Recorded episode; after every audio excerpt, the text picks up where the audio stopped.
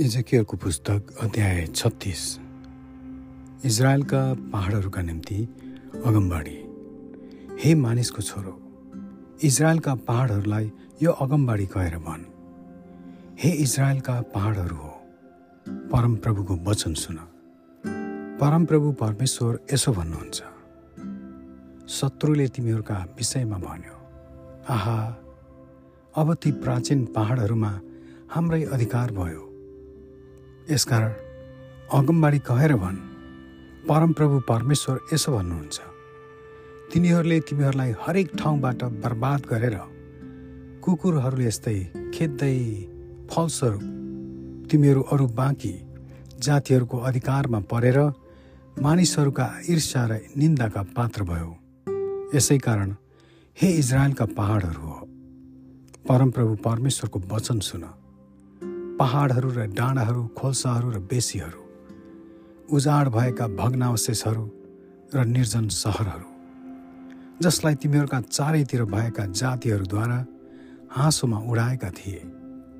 तिमीहरूलाई नै परमप्रभु परमेश्वर यसो भन्नुहुन्छ मेरो दन्केको जोसमा मैले अरू बाँकी जातिहरू र एदोमका विरुद्धमा बोलेको छु किनकि आफ्नो हृदयमा ईर्षा राखेर तिनीहरूले मेरो देशलाई आफ्नो अधिकार गरे ताकि तिनीहरूले त्यसका खर्क लुट्न सकुन्।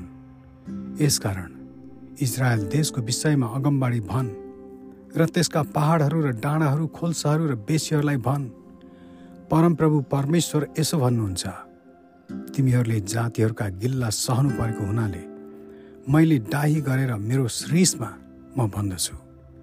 यसकारण परमप्रभु परमेश्वर यसो भन्नुहुन्छ तिमीहरूका चारैतिरका जाति जातिहरूले पनि गिल्ला सहनु पर्नेछ मेरो हात उठाएर म यो शपथ खान्छु। तर तिमीहरू हे इजरायलका पहाडहरू हो तिमीहरूले चाहिँ आफ्नो हाँगाहरू पलाउने छौ र मेरो प्रजा इजरायलको लागि फलहरू फलाउने छौ किनकि तिनीहरू चाँडै घर फर्कनेछन्। तिमीहरूको मलाई चिन्ता लागेको छ। म तिमीहरूलाई निगाह गर्नेछु। म तिमीहरूलाई खनजोत गरेर बिउ छर्नेछु। धेरै मानिसहरूको सङ्ख्याले म तिमीहरूलाई भरि भराउ पार्नेछु अर्थात् इजरायलका समस्त घरानालाई। सहरहरूमा फेरि मानिसहरू बास गर्नेछन् र भग्नावशेष भएका भवनहरू फेरि निर्माण गरिनेछन्। म तिमीहरूका मानिसहरू र पशुहरूको वृद्धि गरिदिनेछु र तिनीहरू फलवन्त भएर धेरै हुनेछन्। अघि जस्तै तिमीहरूमा म मानिसहरू बसाल्नेछु। र पहिलेको भन्दा अझ बढी तिमीहरूको उन्नति गराउनेछु। तब तिमीहरूले म नै परमप्रभु हुँ भनी जान्नेछौ। म मानिसहरू मेरा मानिसहरू अर्थात् इजरायललाई तिमीहरूकै बाटाहरूमा हिँड्न लाउनेछु। तिनीहरूले तिमीहरूलाई अधिकार गर्नेछन् र तिमीहरू तिनीहरूको उत्तराधिकार हुनेछौ। तिमीहरूले कहिल्यै तिनीहरूका छोराछोरीहरूलाई खोसेर लाने छैनौ। परमप्रभु परमेश्वर यसो भन्नुहुन्छ। मानिसहरू तिमीहरूलाई भन्छन्। तिमीहरू मानिसहरूलाई खान्छौ र आफ्नो जातिलाई निर्वस तुल्याउँछौ। यसै कारण तिमीहरूले अब फेरि कहिल्यै मानिसहरूलाई खाने छैनौ अथवा आफ्नो जातिलाई निर्वस तुल्याउने छैनौ। परमप्रभु परमेश्वर भन्नुहुन्छ म तिमीहरूलाई जाति जातिहरूका गिल्ला फेरि कहिल्यै सुन्न लाउने छैन। न त तिमीहरूले मानिसहरूको निन्दा सहनु पर्नेछ। अथवा आफ्नो जातिको पतन हुन लाउनेछौ परमप्रभु परमेश्वर भन्नुहुन्छ। फेरि परमप्रभुको यो वचन म कहाँ आयो? हे मानिसको छोरा जब इजरायलीहरू आफ्नो देशमा बसेका थिए तब तिनीहरूले त्यस देशलाई आफ्नो व्यवहार र कामले बिटुलो पारे।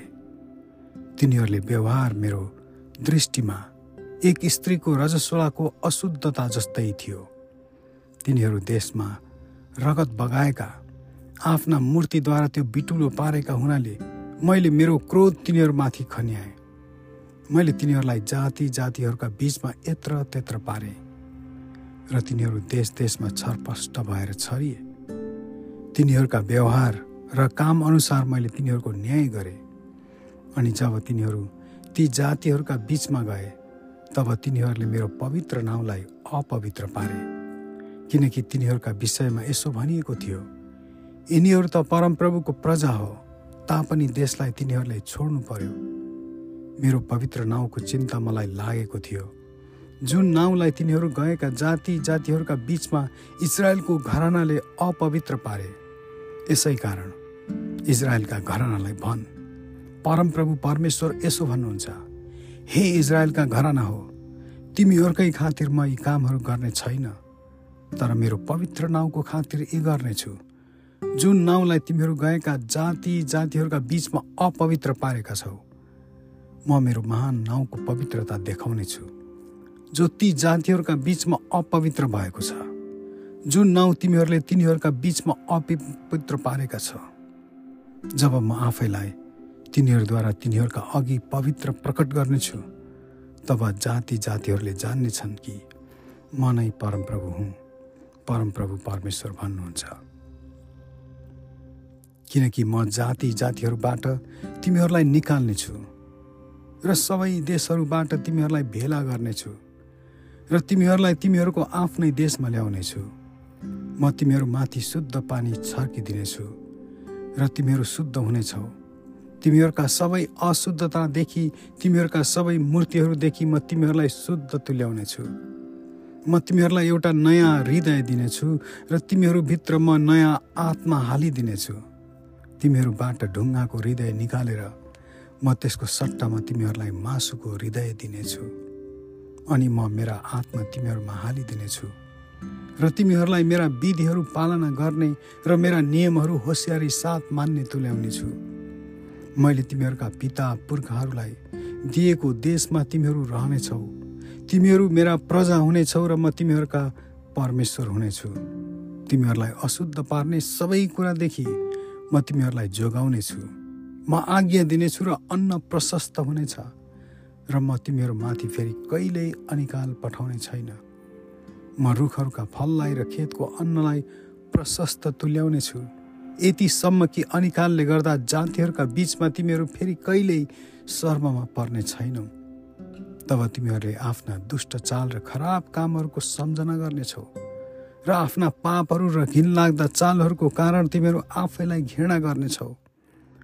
तिमीहरूकै खातिर मैले यी काम गरिरहेको होइन भन्ने कुरा चाहिँ तिमीहरूले बुझेको म चाहन्छु। परमप्रभु भन्नुहुन्छ हे इजरायलका घराना हो तिमीहरूका चालचलनको कारण तिमीहरू लज्जित र अपमानित हो।